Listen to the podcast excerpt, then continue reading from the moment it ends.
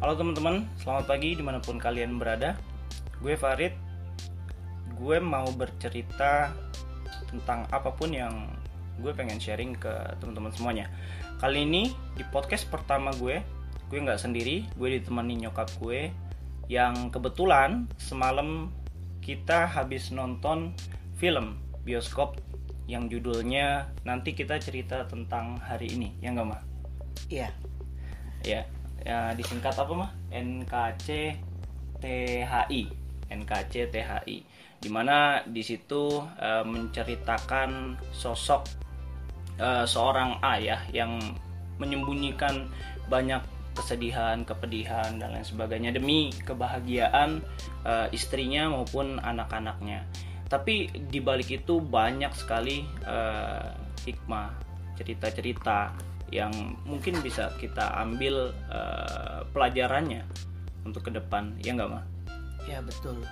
Nah, sekarang eh, menurut Mama sendiri secara singkat deh, secara singkat deh. eh, gimana sih filmnya itu NKCTHI itu gimana menurut Mama filmnya?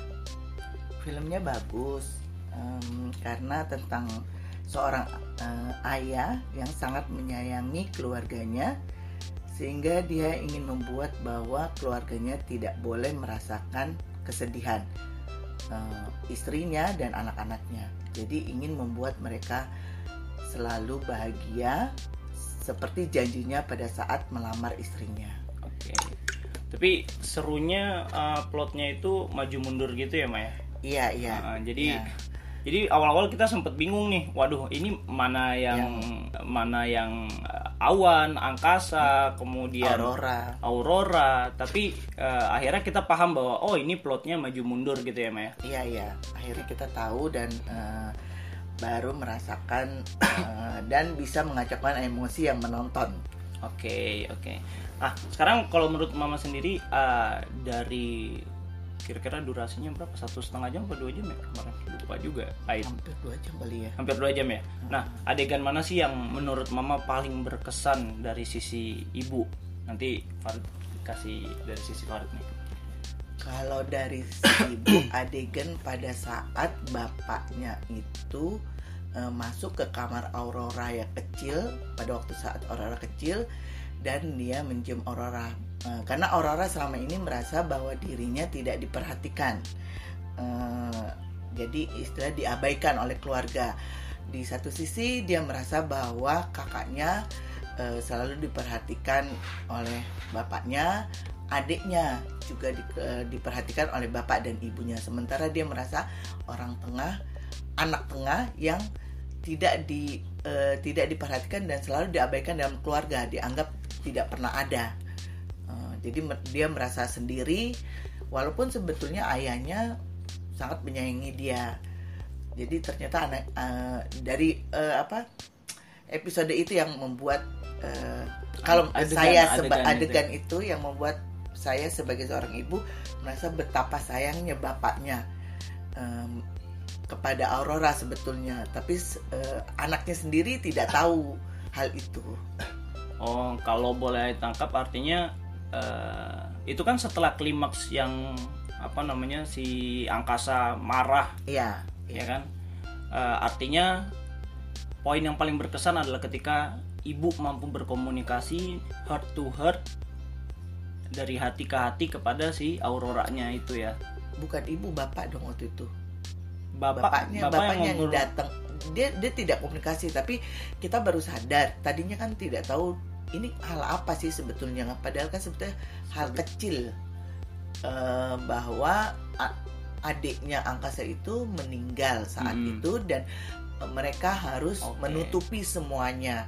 Itu hal kecil.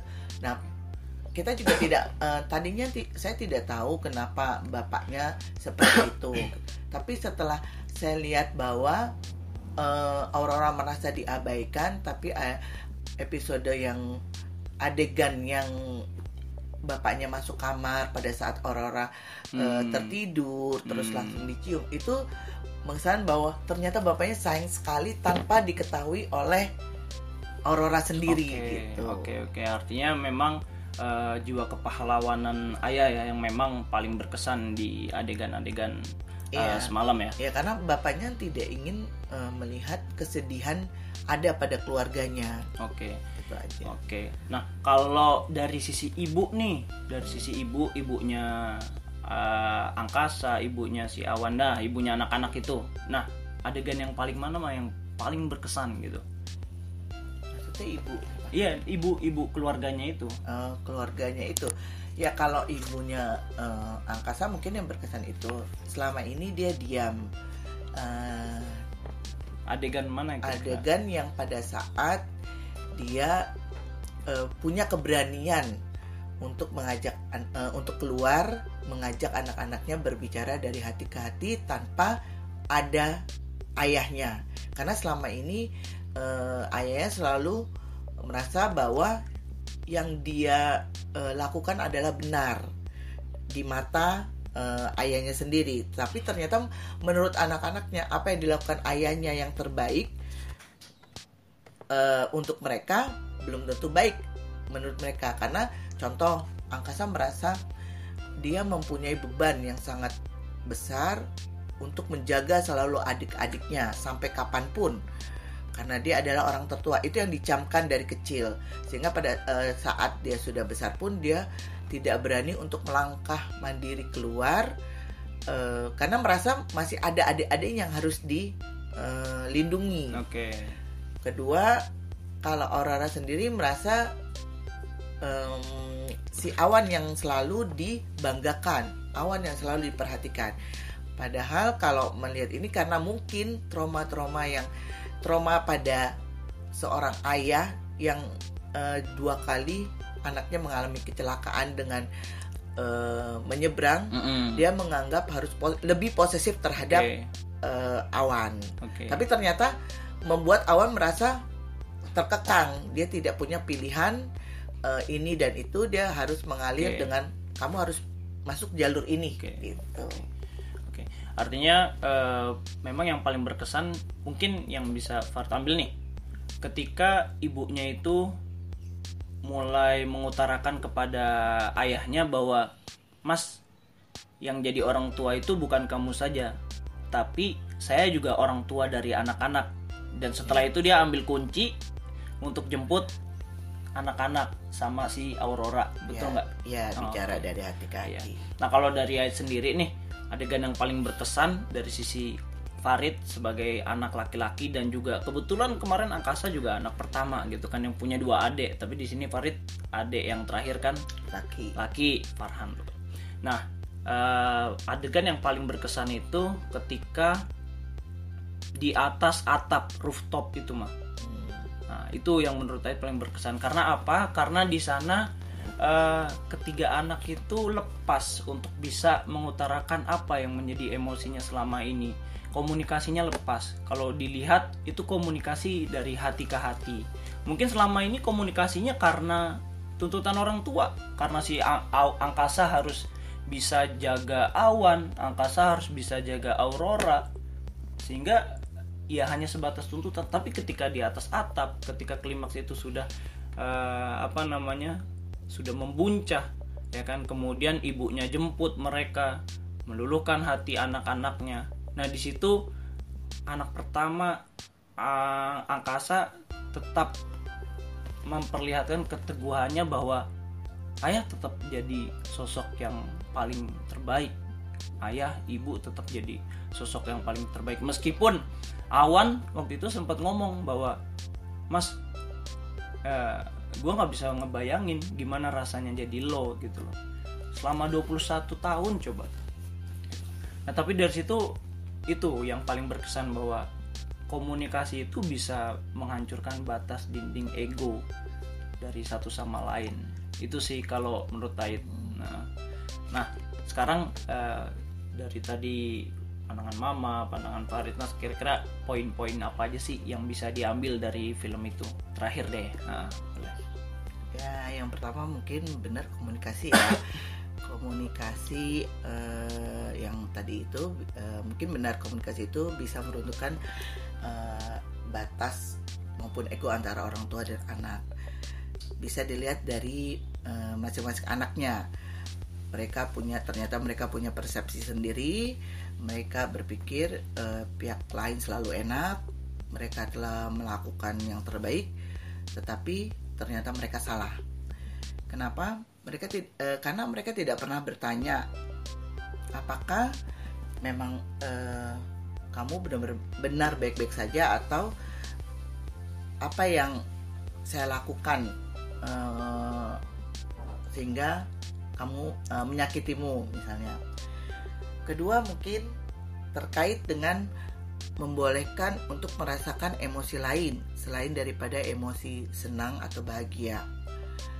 Percaya atau enggak, kalau orang dipaksakan terus bahagia tanpa dibolehkan merasakan emosi lain, lama-lama dia hilang sisi kemanusiaannya atau emosi. Makanya ada angkasa yang meledak. Adegan film itu, uh, jelas tidak ada kehidupan tanpa kesedihan kita nggak bisa menjanjikan bahwa kita akan bawa kebahagiaan bagi orang lain. Yang bisa kita janjikan adalah bahwa kita akan berusaha sebaik mungkin untuk tetap mendampingi di kala senang dan sedih.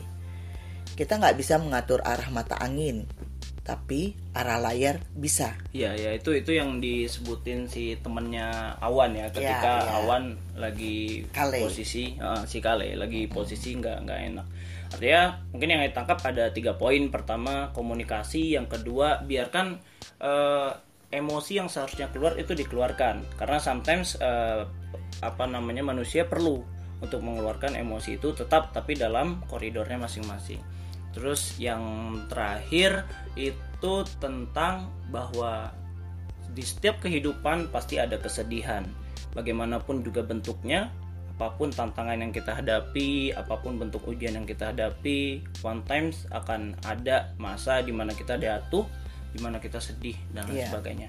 Oke, mau untuk penutup, uh, iya, untuk penutup kemarin tuh kayaknya Farid ngelihat samping kanan kiri, terus juga di atas itu banyak yang nangis. Nah, kira-kira menurut Mama kenapa sih mereka itu nangis? Hmm, mungkin uh, banyak orang yang hmm, yang setidaknya pernah merasakan berada di satu situasi dari banyak situasi yang ditampilkan di film itu, baik sebagai anak atau sebagai orang tua. Setidaknya mungkin satu kali merasakan situasi seperti uh, salah satu dari adegan film itu.